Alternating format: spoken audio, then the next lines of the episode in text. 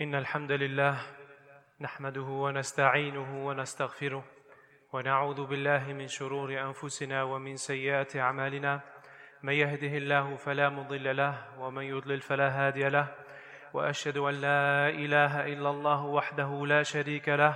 وأشهد أن محمدا عبده ورسوله وصفيه وخليله وخيرته من خلقه. أرسله ربه رحمة للعالمين وحجة على الأجمعين.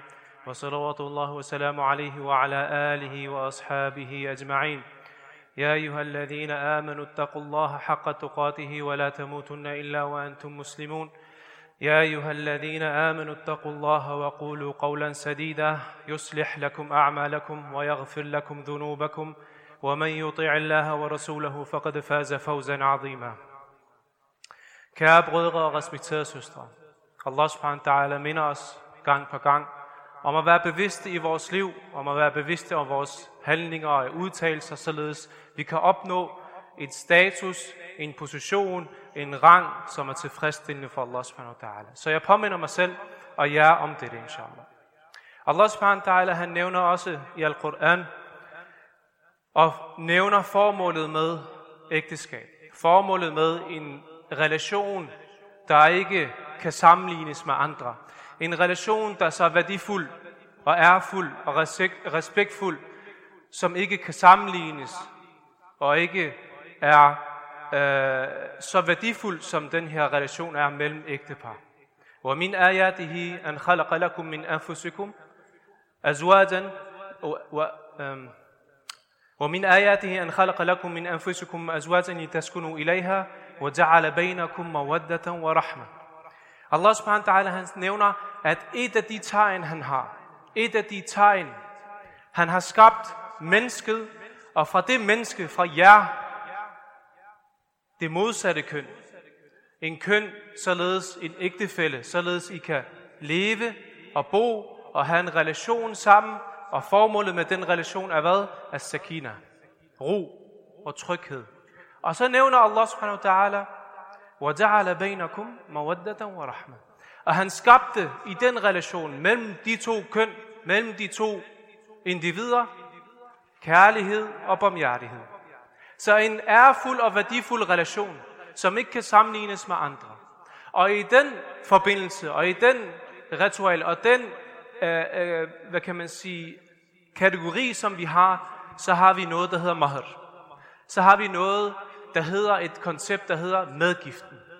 Og i dag, så ser vi debatter, vi ser og læser artikler, tv-avisen, øh, programmer, hvor individer kommer ud og nævner, at de ikke vil have deres medgift, at de modarbejder, eller de gør en form for oprør, en kamp imod dette koncept. Hvorfor? Fordi dette koncept er med til at binde og undertrykke kvinder i deres ægteskab. Tværtimod.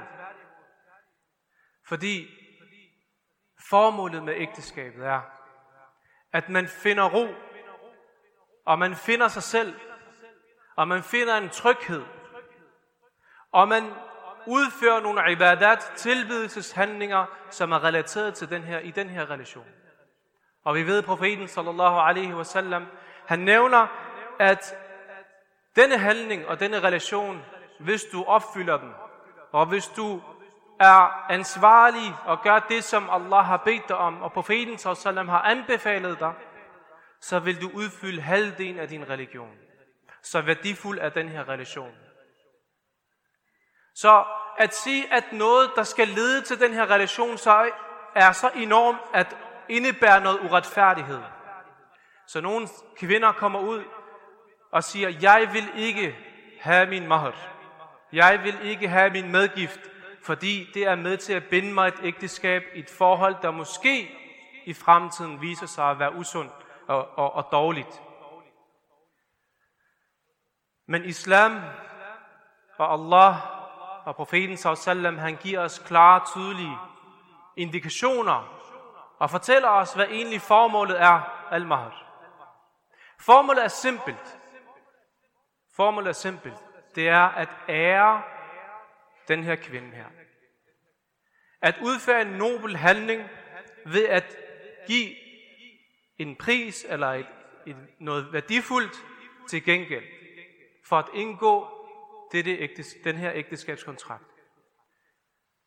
Og så er der nogen, der tænker, når man hører de her udtalelser, når man hører de her udsendelser, og når man læser artiklerne, kan det være, fordi vi bliver presset, og vi bliver prøvet med nogle forskellige ting, og der er nogen, der leger med vores tanker og siger, at det her det er undertrykkende, det her det er med til at skabe et dårligt liv og fastholde dig osv. Og det er også nogen, der måske kommer i tanke om nogle tvivlsomme elementer, der hedder, når man giver den her, det her beløb, er det fordi, at kvinden er en vare? Er kvinden en vare, man kan eje? Er det et beløb, man giver for at tilfredsstille sine fysiske behov? Er det noget, jeg kan eje? Er det, en, øh, det er ligesom, når jeg køber tv eller tæppe eller et ur, så giver jeg en pris, og jeg får noget til gengæld. Er det det samme her? Nogen, der tænker sådan. Nogen, der vil have, at vi tænker sådan. Nogen, der vil have, at vi bliver tvivle. Vi tvivler i vores religion. Og tvivler i den retfærdighed og den barmhjertighed, Allah har sendt. Nogle af os tænker, er det fordi kvinden er en vare. Noget man kan eje. Vi kan 100% afkræfte med det samme. Det kan være, at vi ved det, men for at afkræfte med det samme, bare sæt punktum på det, at kvinden kan ikke ejes, er ikke varer, man køber med medgiften, men udelukkende for at ære den her kvinde. Udelukkende. For at ære den her kvinde, for at vise seriøsitet over for kvinden, over for familien, og gøre den her no, eller udføre den her noble handling ved at give en gave. Fordi den her medgift er en gave. Det er ikke en pris. Der står ikke på tilbud et eller andet. Så køber du den, du scanner den, og du betaler. Det er en gave. Og det er noget, som hun har ret til. Så for at afkræfte, og for I kan afkræfte med jer selv, og I kan afkræfte med dem, I er sammen med, dem I taler med, måske har de, disse tanker og disse tvivlsomme elementer. Og formålet igen, det er at ære den her kvinde og vise noget seriøsitet. Så vi spørger Allah subhanahu wa ta'ala, at han vejleder os, giver os vejledning i det, der er rigtigt og det, som han elsker. أقول قولي هذا أستغفر الله لكم فاستغفروا إنه هو الغفور الرحيم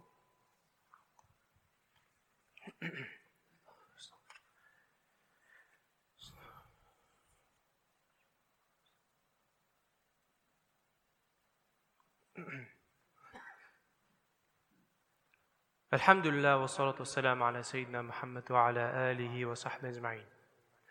Godt. Så i dag så ser vi nogle tendenser. Vi ser nogle uislamiske handlinger, hvad angår mahar. Og vi har set eksempler, vi har hørt eksempler, vi kender måske nogen, der gengår dem, eller selv udfører disse ting.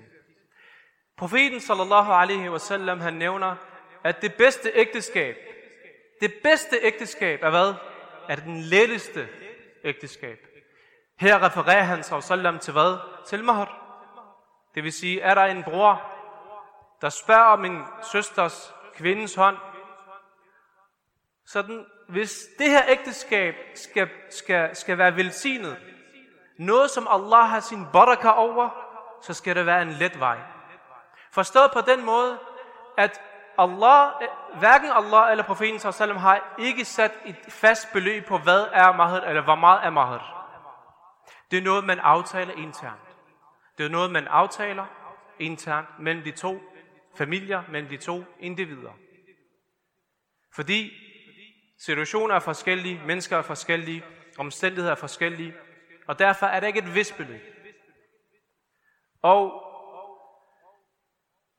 i dag ser vi, at mashallah, rigtig mange ikke går op i de, de materielle, og spørger om noget måske meget, meget, meget let. Jeg har personligt mødt, at folk, deres mahr, det var en biografbillet. Eller det var et eller andet lille ting. Men det er den anden ekstrem.